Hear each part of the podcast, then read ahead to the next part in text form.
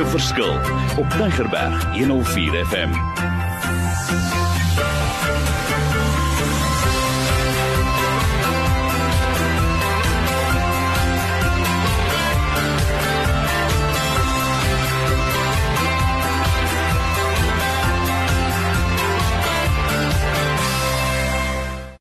Wonderlik. My naam is Mario Denton. Dit gaan oor 'n reeks waaroor ons gesels gaan maak 'n verskil in die lewer buite, maar ons fokus op karakter. Dis die beginpunt.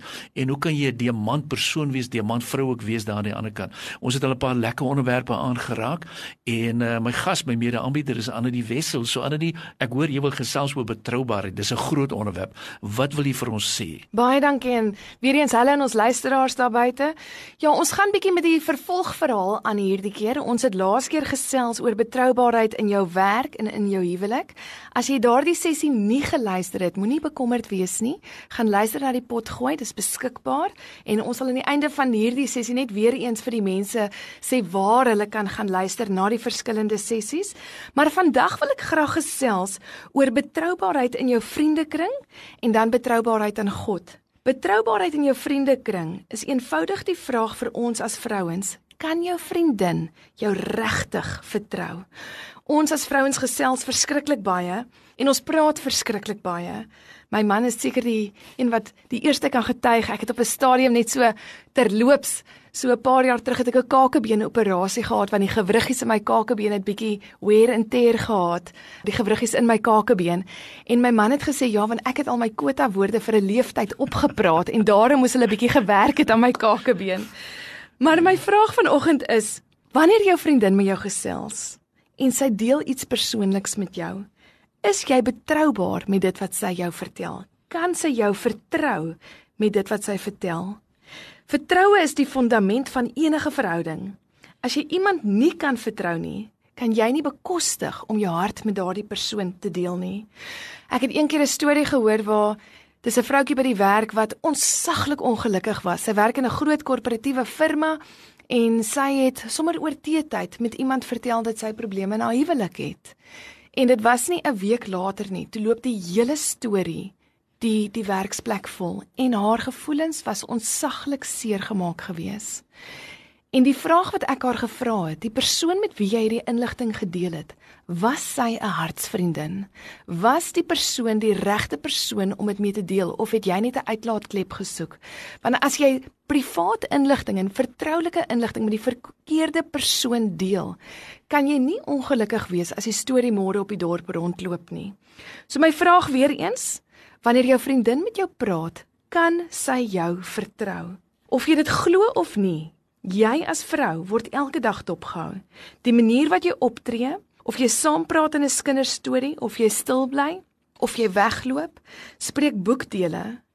Waar sal jy gemeet word as iemand 'n karakterverwysing yes. van jou vra? Korrek. En hulle moet jou op 'n skaal van 1 tot 10 plaas en hulle sê vir jou Mario Denton, Anne die Wessels, is sy betroubaar? Waar sou jy my skaal? En ek dink dis die vraag wat elke vrou daar buite vir haarself moet afvra. As iemand 'n karakterverwysing op jou moet doen en vir jou moet vra, is jy betroubaar? Waar sal jy jouself ag met die inligting wat vir jou gegee word? Geniet jy die sensasie wanneer jy 'n storie hoor of stel jy die saak onmiddellik reg? Stop jy dalk 'n gesprek en sê, "Weet jy wat julle, ons is besig om te skinder. Kan ons nie eerder maar die onderwerp verander nie?" Of is jy die een wat net stil bly en net luister? Dalk sê jy vir my ander die maar ek praat nie saam nie, maar as jy saam luister, is jy ook onbetroubaar aan jou vriendin, want die deler is so goed soos die steeler. Ek is nie 'n voorstander van geheime nie, want dit kom altyd terug om jou te byt. Maar 'n hartsverhaal wat 'n vrou met 'n ander vrou deel, glo ek is iets wat privaat moet bly. 'n Hartsverhaal is iets wat die storieverteller die reg het om te vertel wanneer hy of sy reg is. Dit is nie jou reg as die luisteraar om dit vir iemand anders te gaan vertel nie. En ons maak baie keer die fout om te sê, weet jy, ek vertel vir jou want kom ons bid saam vir die persoon. Of as iemand na jou toe kom en vir jou sê, ek wil jou iets vertel, maar beloof my jy gaan vir niemand vertel nie. En dit gaan nie oor daardie persoon self nie. Moet jy al die lyn trek en sê, weet jy wat? As dit iets is wat vir jou in konfidensiële in 'n konfidensiële aspek gegee is en vertel is, moet dit nie uitvertel nie. Bid self daaroor en dat God saam met jou werk met hierdie persoon. So hierdie is die eerste aspek waaroor ek vandag wil praat. Jy met jou vriende Is jy betroubaar in die inligting wat jy kry?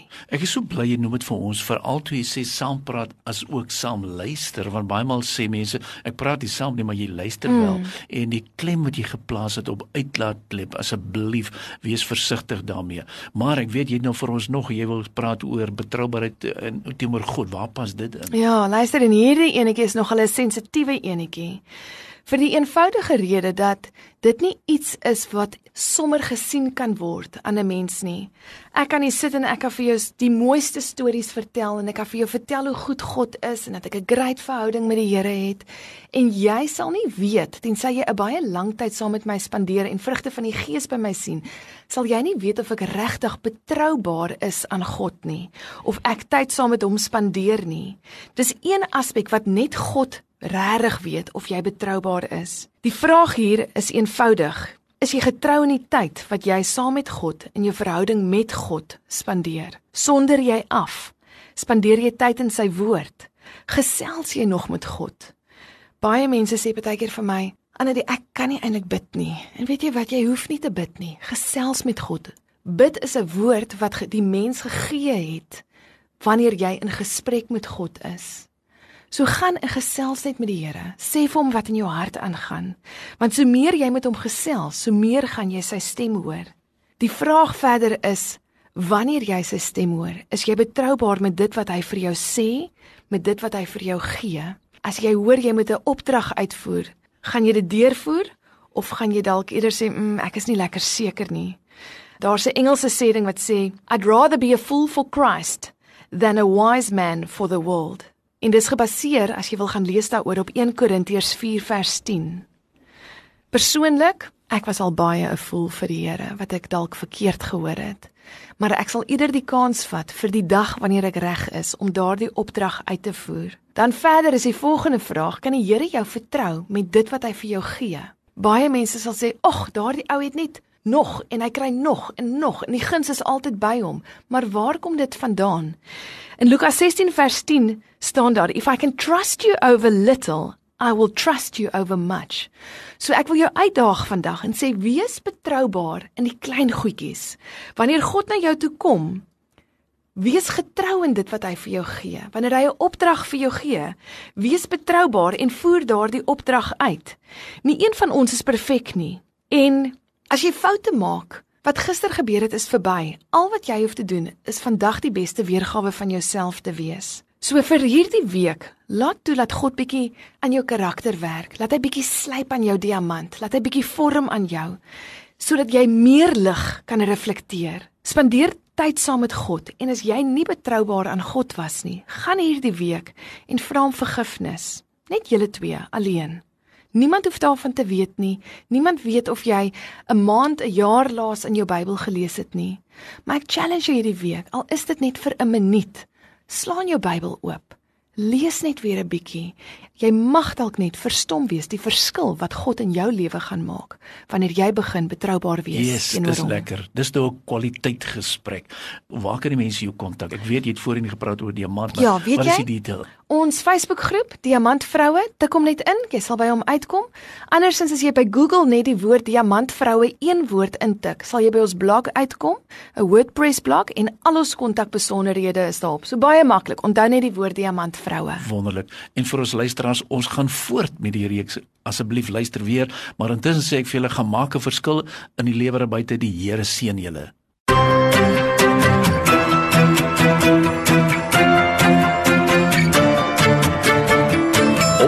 van Maak 'n Verskil is te kry op Potgooi via Tigerberg 104 FM se app of te wel toepassing.